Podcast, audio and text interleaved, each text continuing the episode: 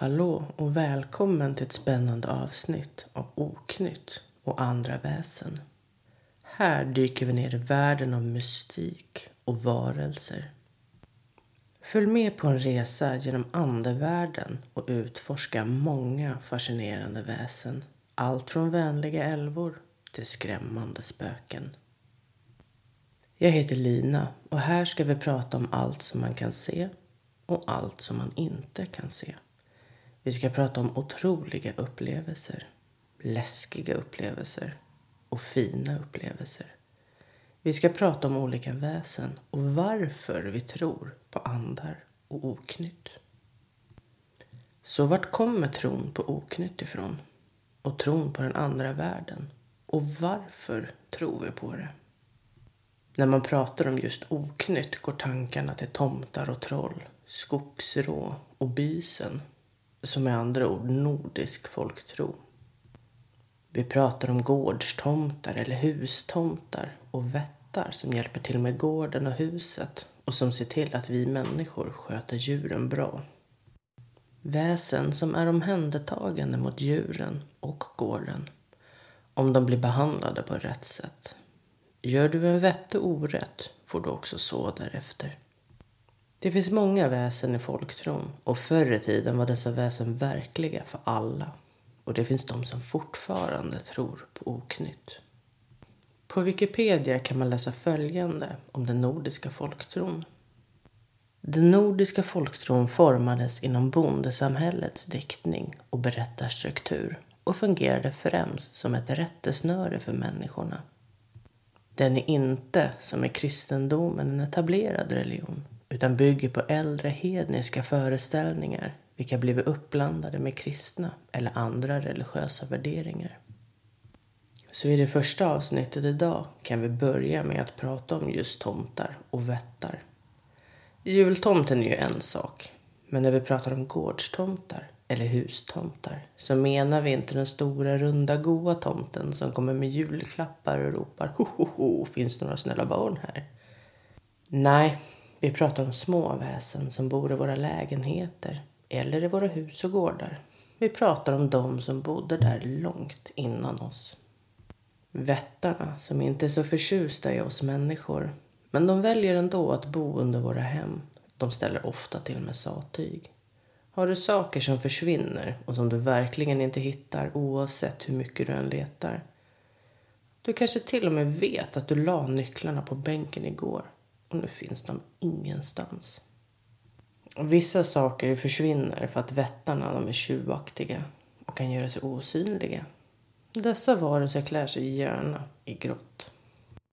Har du en vätte som bor under dig ska du passa dig för att hälla ut smutsigt eller hett vatten på marken ovanför dem. De blir inte så förtjusta om du pinkar längs med husknuten heller. Och gör man dessa orätter då kan vättarna bestraffa dig med sjukdomar eller olyckor. Förr i tiden ansåg man ofta att barnsjukdomar var en hämnd från vättarna. Alltså är dessa små varelser inte jättepopulära. Det var och är någonting som man har en blandad rädsla och respekt för. Vättarna vill oftast inte ha någonting med oss människor att göra. Även om de gillar att bo under oss. Men ändå kunde man vid sällsynta tillfällen förr höra om en kvinna i något hushåll som blivit rikligt belönad av vättar. Så vad hade kvinnorna som förtjänat detta gjort? Jo, kvinnan i fråga hade fått bistå vid en förlossning och på så sätt förtjänat vättarnas tacksamhet. Och tomtarna då? Det finns många olika tomtar. Hustomtar, gårdstomtar, skogstomtar. Många finns det. Men vad är det för skillnad? Och vad gör de? Till skillnad från vättarnas hårda och lite mer stridslystna natur är tomtarna mer vänligt sinnade. Alla sorters tomtar har olika syften. En hustomte till exempel vaktar ditt hem. Han tar hand om djuren i hemmet och ser till att det sköts som det ska. Och till skillnad från vättarna är tomtarna mer busiga i sin natur. Det tomtarna gömmer får du också tillbaka. Antingen så lägger de det på ett annat ställe. Eller så får du allt be om det. Men förr eller senare så får du tillbaka det du saknar. Ibland kan man behöva säga till på skarpen. Och när man letar efter en femte sak på en vecka, ja, då börjar i alla fall mitt tålamod att tryta. Skogstomtarna däremot är mindre förlåtande till sin natur.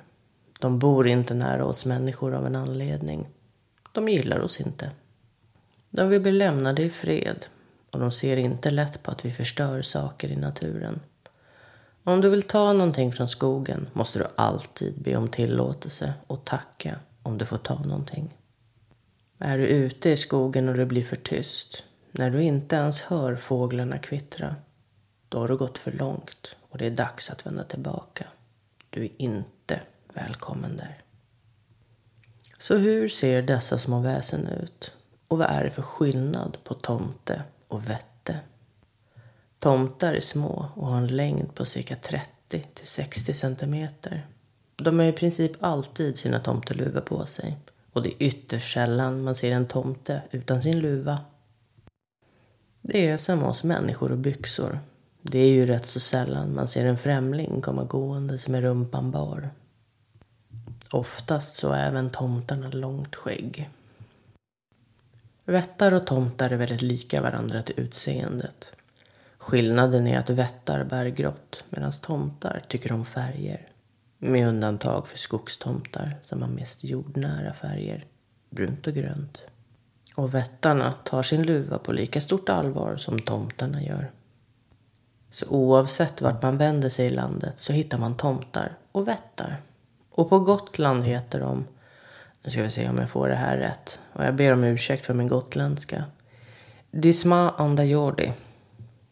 Det är alltså Gotlands variant på vättar. De bor i närheten eller under människors hus och gårdar. Och även här ska du inte kasta ut vattnen eller pinka hejvilt på husknuten. Nej, nej. Och hojta gärna, se upp innan du gör det. Dessa väsen ansvarar för att vi människor vårdar jorden och marken. Och enligt sägner på Gotland kan man bara se dessa väsen genom att kolla i ett hål genom ett pappersark. Ja, det finns många spännande väsen där ute. Vissa mer trevliga att prata om än andra. Men vad är det som får oss att tro på sånt här? Nu kanske inte alla tror på tomtar och vättar eller troll. Men varför inte? Här hemma hos oss har vi nissedörren uppe året om. Och han som använder nissedörren heter Alf. Alf är våran hustomte som är gammal som gatan.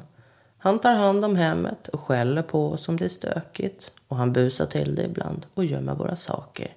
Och dit vi flyttar, flyttar Alf. Våran äldsta son är tre år och det är så underbart att kunna berätta sånt här för honom.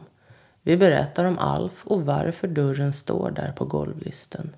Och när han har tappat bort en leksak lägger han sig på knä framför dörren och ber Alf att lägga tillbaka den om det var han som har gömt den.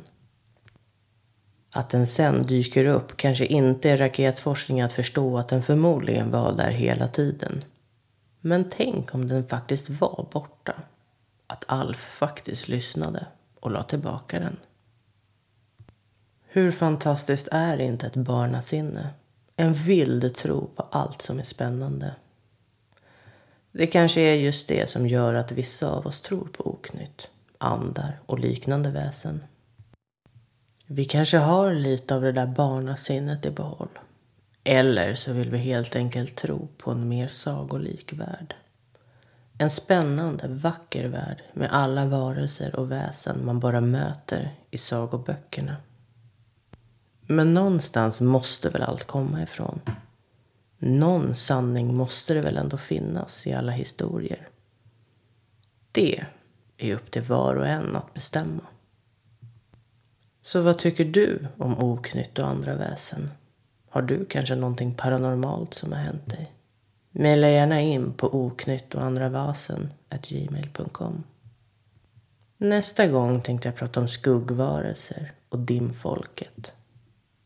Så ställ gärna ut en skål med gröt till era tomtar ikväll. Så kanske ni får tillbaka någonting som ni saknar. Tills nästa gång.